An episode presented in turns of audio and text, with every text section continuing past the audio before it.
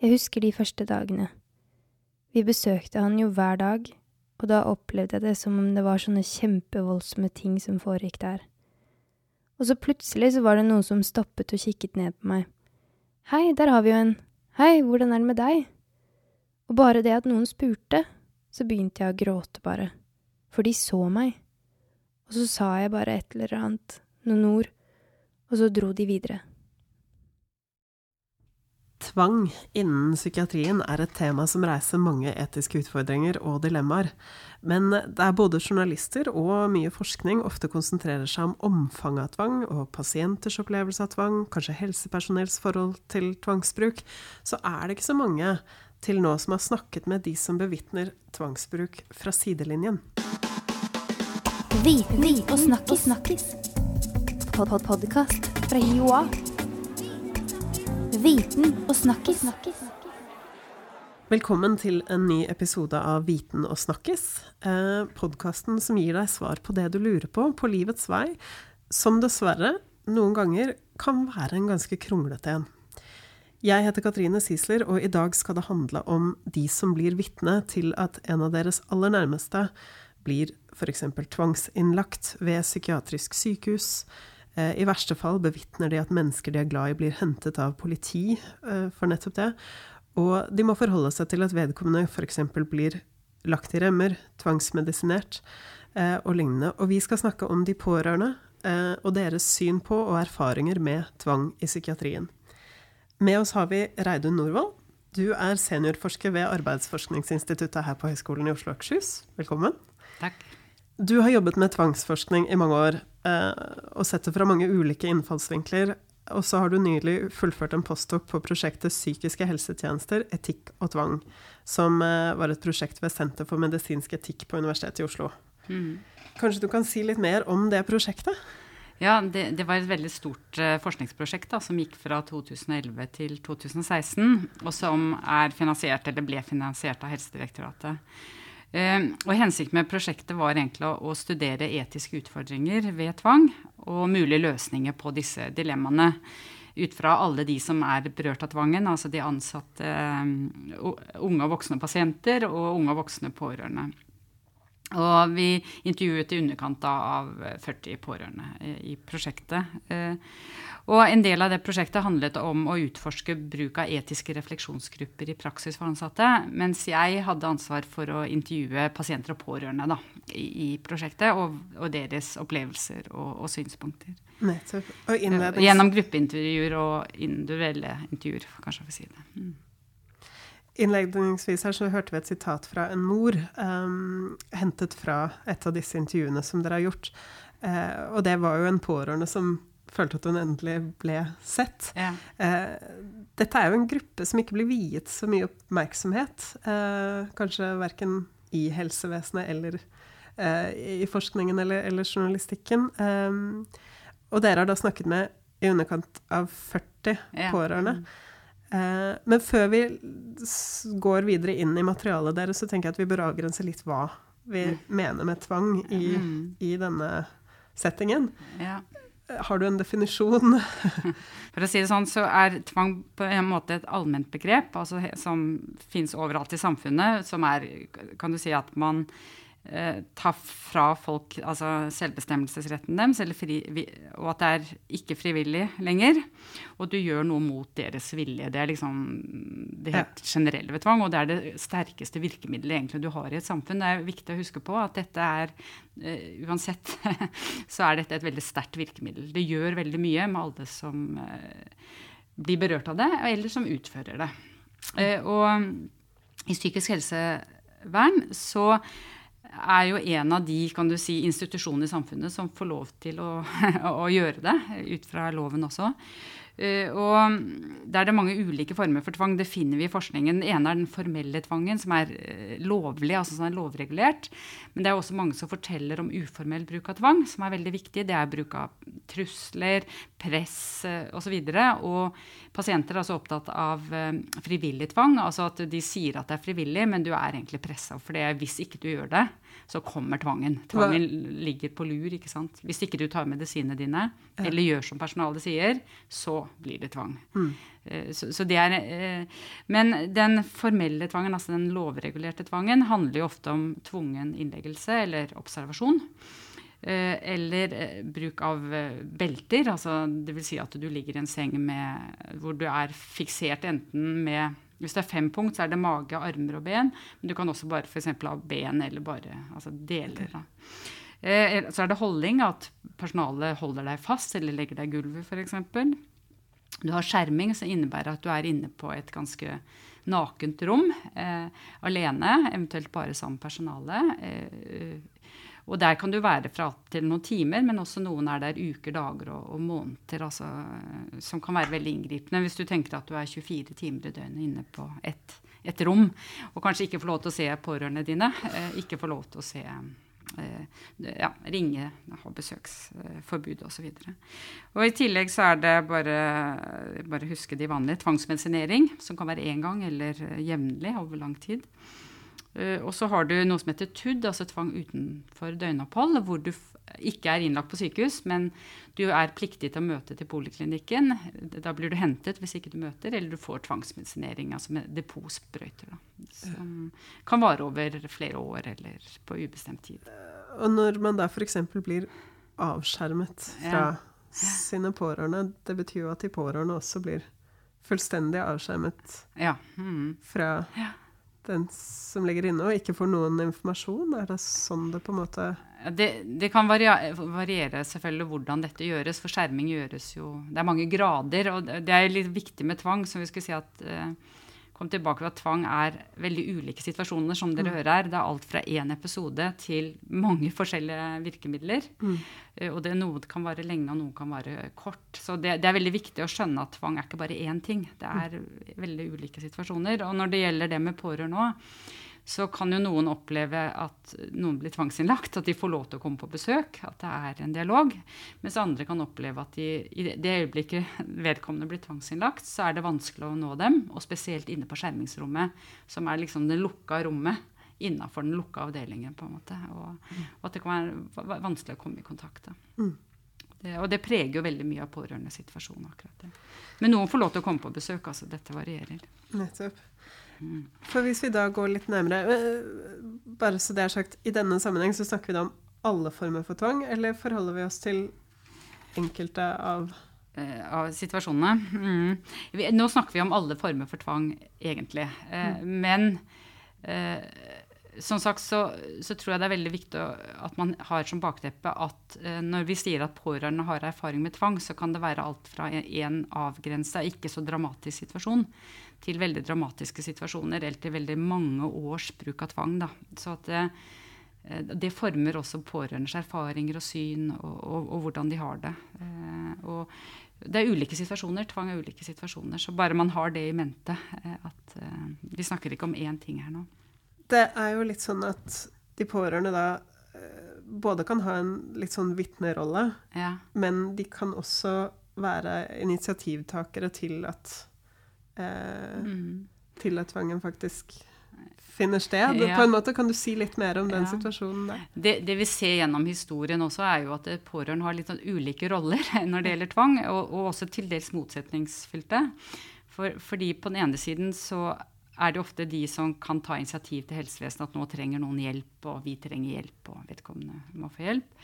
Eh, så, så, så da er de på en måte litt initiativtaker, eller de påvirker tvangsbruken.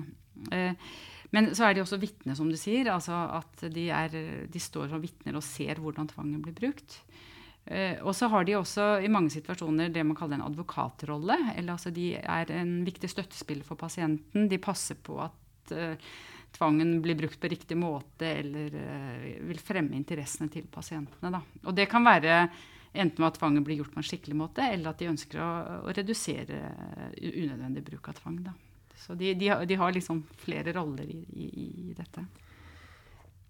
I den publikasjonen som dere har eh, skrevet i forbindelse med em, dette prosjektet, så er det, eh, som vi jo hørte innledningsvis, eh, tatt med en del sitater Ja. eh, fra eh, pårørende, og også fra pasienter. Men, men jeg tenkte vi skulle ta et sitat til, for dette Mm. syns jeg illustrerer ganske godt nettopp den litt vanskelig i situasjonen. Dette er en eh, samtale, eller her er det to eh, pårørende, stemmer det? En Mm. mor og en far som prøver å forklare eh, sine, eh, sin situasjon. Faren sier men akkurat den der biten, når man står oppe i den situasjonen, den er fryktelig vanskelig. Hva er det rette å gjøre? Hva skal vi gjøre? Ja, det kommer stadig tilbake, i hvert fall til meg, akkurat det. Og så sier moren, ja, men det gjør det, det kommer tilbake igjen. Var det det rette vi gjorde den gangen? Hva hadde skjedd om ikke jeg hadde stått så hardt på for at hun skulle legges inn? Og faren sier, men samtidig så kunne vi også sitte igjen med en død jente akkurat nå. Det kunne også vært situasjonen.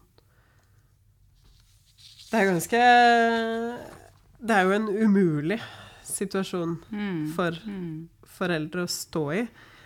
Eh, disse foreldrene hadde en åpenbart ganske ambivalent, eh, et ambivalent forhold til, til både tvangen og sin egen rolle, Mm. vil jeg tro. Kan du si litt om de ulike, de ulike måtene på måte pårørende forholder seg til tvangsbruken på? Mm. Um, du kan si eh, Det vi generelt ser, da, altså det er at pårørende har ulike syn på tvang. Alt fra de som har positivt forhold til det, de som er ambivalent eller usikker, som du ser i dette sitatet, om hva som er riktig å gjøre, eh, til de som er sterkt kritiske til tvangen. Så pårørende er sprer seg litt her. eh, Også avhengig av hva de har erfart, selvfølgelig. Eh, Men men det vi generelt ser, og det er kanskje veldig viktig for ansatte og folk å vite, og det så du i innledende i sitatet, er jo at tvang er ikke bare dramatisk for pasienten, det er en veldig dramatisk situasjon for mange pårørende også. Det er en situasjon som, hvor de blir veldig sårbare. Eh, det er en veldig alvorlig avgjørelse å ta for en de er veldig glad i eh, å gjøre. Så de, de, de trenger veldig mye omsorg eh, i en sånn situasjon generelt. Og de er, som vi hører i dette andre sitatet, mange usikkerheter. Hva er riktig å gjøre? De, står jo nesten umulige valgsituasjoner. øh, Og, det, og, det vi ser i noen intervjuer, er det vi har kalt altså, at det er et slags toegget sverd. Da. Det er nødvendig, men grusomt. Og den, altså, den ligger der hele tiden og, og skaper en veldig sånn spenning og uro for veldig mange pårørende. Eh, eh, og som gjør at de blir veldig sårbare for hvordan helsevesenet faktisk responderer til dem på. Eh, for det, så det er veldig viktig å si at her de, de møter helsevesenet eh, som sårbare, mange. Eh, og det gjør også som pasientene. Eh, og, og de har også eh, bekymrer seg masse for, når de først har satt i gang tvangen, for hvordan det går med den de er glad i der inne. Og da, når de da heller ikke blir involvert, det skal vi komme tilbake til, så blir det en veldig vanskelig situasjon for dem. Eh, fordi de er redd for Går det bra med dem? ikke sant? Tar de skade av dette, eller er det til hjelp for dem? Og så, videre. så, det, så det er en veldig sånn situasjon da, for dem. Vi kan jo eh, gi et eksempel til. Eh, her er det en, en mor som, eh, som forteller Jeg har ikke fått noen informasjon fra sykehuspersonalet om hvordan det går med han, men derimot har jeg fått kalde brev der det står til informasjon, Sindre, som han heter, har i dag blitt lagt i remmer, og det gang på gang på gang. Og hver eneste gang så er det som det er å ta Og så begynner hun å gråte og stopper opp, eh, og starter igjen. De har ikke snakket med meg i det hele tatt. Og hvordan har han det der inne? Og hvordan har han det der han ligger i tvangsremmene? Og hvordan har han det når han blir tvangsinjisert? Fortsatt på gråten. Ingen har snakket, men jeg får sånne brev, og ingen å prate med om det. Og når jeg ringer 'hvordan har han det', så svarer de 'vi har taushetsplikt'. Og da gjør hun seg litt sånn kort og streng i stemmen. Um, her er det jo, i dette eksempelet her, så er det jo et åpenbart på en måte, mangel på informasjon. Eh, og det slår meg som litt gjennomgående. Hvor mye vet pårørende om hva tvang innebærer, både før de kanskje tar kontakt med helsevesenet og, og underveis i prosessen? Kan du si litt om det? Ja, eh, for, liksom å forstå det med informasjon, så tror jeg det er viktig å se utgangspunktet til pårørende.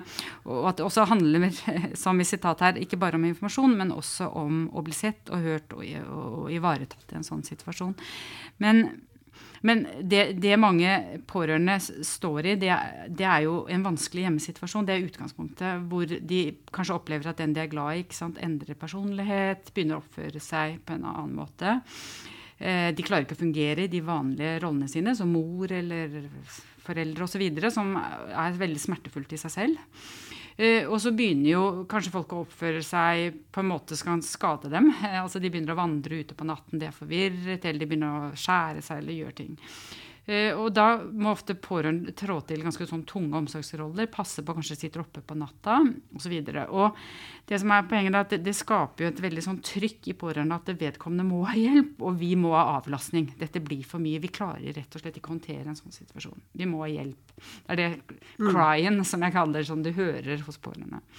Og da tenker de da må vi gå til helsetjenestene for å få hjelp. Og da da blir på en måte en tvangsinnleggelse én mulighet. ikke sant? Særlig sykehusinnleggelse. Det er jo det de ønsker. De ønsker at noen kan overta dette her. Og hjelpe dem i hvert fall. Uh, og, og, men det de Vi ser noen, og noen av de får god hjelp. Det skjer det, selv om det er dramatisk, så, så, så er det riktig. Det, det, er en stor avlastning. Det bidrar til å stabilisere en situasjon. Men det som også skjer for noen som da kontakter legevakten, så ønsker de hjelp. Men så er de ikke informert. De, de, vet ikke nok hvordan systemet fungerer. Som gjør at når de eh, kontakter legevakten, så kanskje kommer det politi, det blir masse styr, og de kommer inn. Og kanskje innleggelsen også fører til belter, tvangsmedisinering, altså mange andre tvangsformer som ikke de forutså. Så, så, det man beskriver i forskningen, er liksom great expectation. De har store forventninger. Nå skal alt bli bra. Nå skal liksom ting endelig fungere. Og så blir det kanskje ikke sånn. Kanskje det ender opp med tvang som de ikke ønsker, eh, som de ikke står for. Eh, eh, og, og, kanskje gikk ikke situasjonen så bra. Og det er jo litt det som skjedde kanskje med det sitatet med de foreldrene. Mm. At de fikk liksom, tenkte at bare hun blir innlagt, så slutter selvskadingen, nå er det ting bra. Mm. Men så akselererte den etterpå. Mm. Og da blir du jo liksom sittende i en veldig vanskelig situasjon. Var det riktig å gjøre dette? Hva er egentlig til hjelp? Eh, og, og, mange De vi ser de pårørende som har det vanskeligste intervjuene, er jo de som har kontaktet helsetjenestene for å få hjelp, og så blir de innlagt. Og så mister de all kontroll med hva som skjer, som vi hører i dette siste eh, sitatet. Det skjer veldig mye bruk av tvang som sagt de ikke står for, og som de bekymrer seg fryktelig for hvordan de har det. Men så er de helt ekskludert. De blir ikke informert, de, de, ikke skikkelig. De blir ikke hørt. Og når de er uenige i tvangsbruken, så får de heller ikke De kommer ikke i dialog med helsepersonell om å, andre måter å gjøre det på. Og det er de vi så i intervjuene, var de som hadde stor lidelse. Og den lidelsen var ikke knytta til de var knyttet til de psykiske problemene og slitasjen der, men også at systemet skaper lidelse for pårørende. ikke sant? De, de, og, og, og, de blir stående utrolig alene i, i den situasjonen. Uh, og, og, de pårørende der er jo de som jeg har vært litt urolig for. For de som får hjelp, de, de klarer seg jo. Men det er de pårørende sant, som står i utrolig vanskelige avgjørelser. og og som får for lite informasjon. Eh, og, de, og det som i det sitatet med, med, de foreldrene, er at de fikk jo liksom høre at bare du ble innlagt, så gikk det bra. At helsepersonell hadde for optimistisk forhold til tvangen. Og de savnet jo veldig også en sånn vurdering, å sette seg ned og diskutere disse tingene med helse. Hva er bra, hva er dårlig, hva lønner seg, hva ikke. Ja, komme inn i en mer sånn diskusjon med dem om, om, hva skal vi gjøre på best mulig måte. For det, de er, dette er jo mennesker de er de, veldig glad i. ikke sant? Det er jo de kjæreste barna deres eller ektefelle eller osv. Så, så, så de, du kan si at mange får ikke sier, og i forskning også at de får for lite informasjon. Eller sånn vi ser med hun Anne her, er at de bare får noe brev som for loven har gitt beskjed om at du skal informere om at nå har det skjedd en beltelegging. Men hun kom hun blir jo da kjemperolig ikke sant? bekymret. Men hun får da ikke vite noe mer pga. taushetsplikten, og hun kommer ikke i dialog. Mm. Eh, og, det skaper jo en enorm eh, belastning eh, for, for, pårørende. Mm. At de får vite bare litt, mm. men ikke mer. ikke sant? De setter de i en veldig vanskelig situasjon. Ikke sant? Og her er vi jo over i det som kanskje er litt viktig å understreke, for du er jo arbeidsforsker, og dette ja. handler litt om systemer, og, og, hvordan på en måte systemer og metoder kanskje kan forbedres for å gjøre dette mer skånsomt. Ja. Eh, nå har vi snakket litt om informasjon eller dialog. Hva, hva annet kan man liksom se for seg at faktisk Hvor er det du ser tydelige tydelig forbedringsbehov og, og Ja.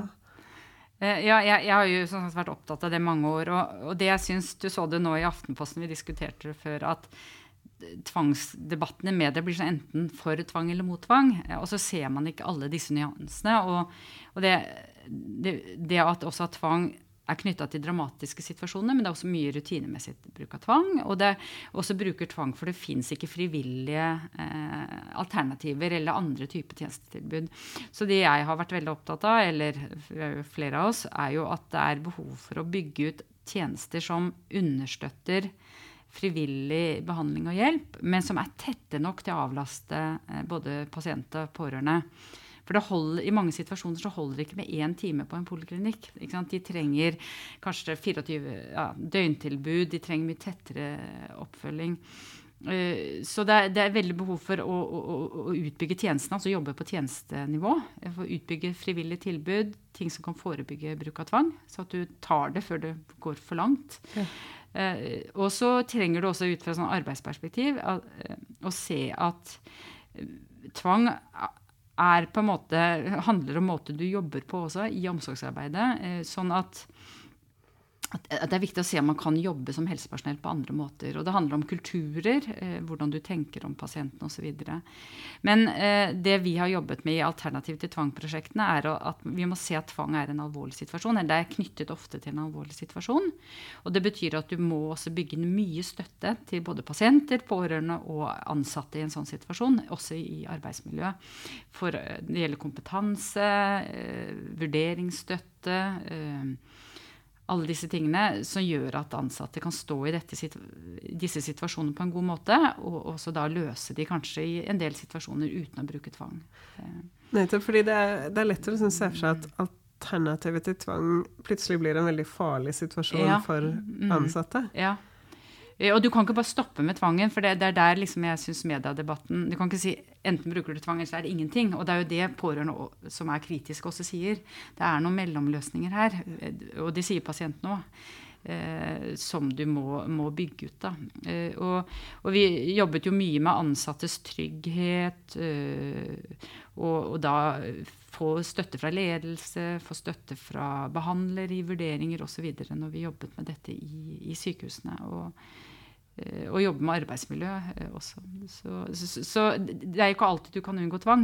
Eh, Men i en del situasjoner ved å jobbe målretta, og det ser man jo også, så, så klarer man å kanskje forebygge at det skjer, eller at man også kan følge opp folk godt etterpå. For det er det, det som er viktig med at tvang er en høyrisikointervensjon. Den kan hjelpe, men den er også stort potensial for ska- skade, altså enten psykologisk eller ska- skade relasjonen mellom pårørende og pasienter osv og som er viktig å se. Og da er det veldig viktig at man er veldig ordentlig i de situasjonene og, og, og har tett, tett oppfølging for å forebygge skade eller å følge opp at folk har det bra etterpå og, også. Er det noen helt konkrete ting dere har sett at eh, Jeg tenker liksom at du snakker om at, eh, at mennesker blir hentet med politi, Ja. av politi og sånn. Er, er det- er det prosedyrer man i Norge kanskje kunne Ja. sett litt på hvordan Ja. Man gjorde? Burde, burde ikke sykebiler vært på en måte utstyrt til å Ja, og det er det jo veldig stor diskusjon om også. ikke sant? Og pårørende har jo også ivret eh, for, eh, for altså, sykebiler, andre måter istedenfor politi. For det, det vi så når legevakten f.eks. reduserte hjemmebesøkene, er jo at fort blir det automatisk bruk av politi. Selv i situasjoner de mener at det er helt unødvendig. Det er ikke en farlig situasjon. Eh, også pårørende. Det er enighet mellom pasient og pårørende. Og, og det er jo en veldig dramatisk situasjon. det, Du får en kjempestigmaproblem i nabolaget, og du skal jo tilbake igjen, og at naboer har sett, og de blir jo redde når de tror det er politi osv. Så, så og her er det veldig mye rutinemessig bruk av hard bruk av tvang, eh, som burde være gjort noe. Men det er veldig vanskelig å få bukt på det, og det er der vi må bygge nye tjenester og nye arbeidsformer. eh, For å redusere både belastningene for pasienter og pårørende. Mm. Vi hørte jo innledningsvis om eh, en mor som nesten knakk litt sammen i det øyeblikket hun, hun Ja. også ble sett. Hva slags oppfølging er på en måte standard for pårørende i en situasjon der en blir lagt inn på eh, psykiatrisk? Altså Mm. i hvilken grad blir pårørende tatt med i bildet per i dag? Det vi ser veldig mye i forskningen, det gjelder Norge og internasjonalt der, at, eh, at det pårørende forteller om, er enten at de blir i for liten grad sett og hørt og ivaretatt, eller at det er veldig varierende kvalitet på det. F.eks. at noen steder, så, og det så vi også i disse intervjuene, at noen pårørende opplevde at de hadde blitt godt ivaretatt, mens noen opplevde at de aldri klarte å komme i dialog med, med helsepersonell eller med tjenestene. Og følte seg veldig ikke sett, da.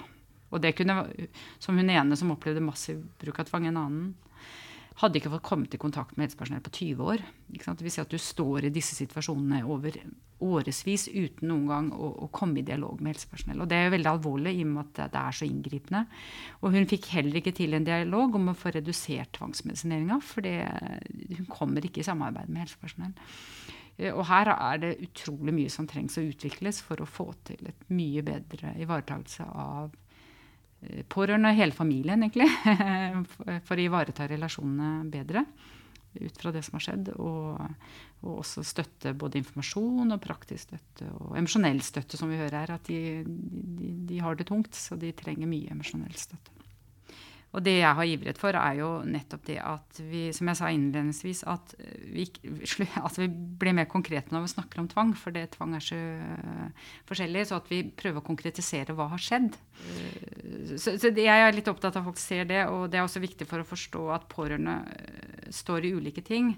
Og, og det var pårørendeintervjuer som ikke visste at man brukte belte f.eks. innenfor sykehusene. Eller eh, de trodde det skjedde for 20 år siden. Det skjer i dag. Ja, og, og sånn at folk vet rett og slett mer hva tvang er. Og også det, du sier at det, er, det kan bli en quick fix. Man tenker at tvang løser alt. Men det er en del risiko forbundet med tvang, så det er viktig å prøve å tenke langsiktig og gjøre gode vurderinger eh, rundt det. Tusen takk for at du kom til denne podkasten, Reidun Norvoll. Og takk for at du ville høre hele denne podkasten, kjære lytter. Um, husk at du kan lese mer om forskningen til Reidun og le finne lenker til eh, disse publikasjonene på blogg.hioa.no slash vitenogsnakkis. Eh, og du kan abonnere på podkasten i din foretrukne podkastspiller og lytte til tidligere episoder alle steder du finner podkaster. Ha det bra. Viten og snakkis. snakkis. Pod -pod Podkast fra Joa. Viten og snakkis.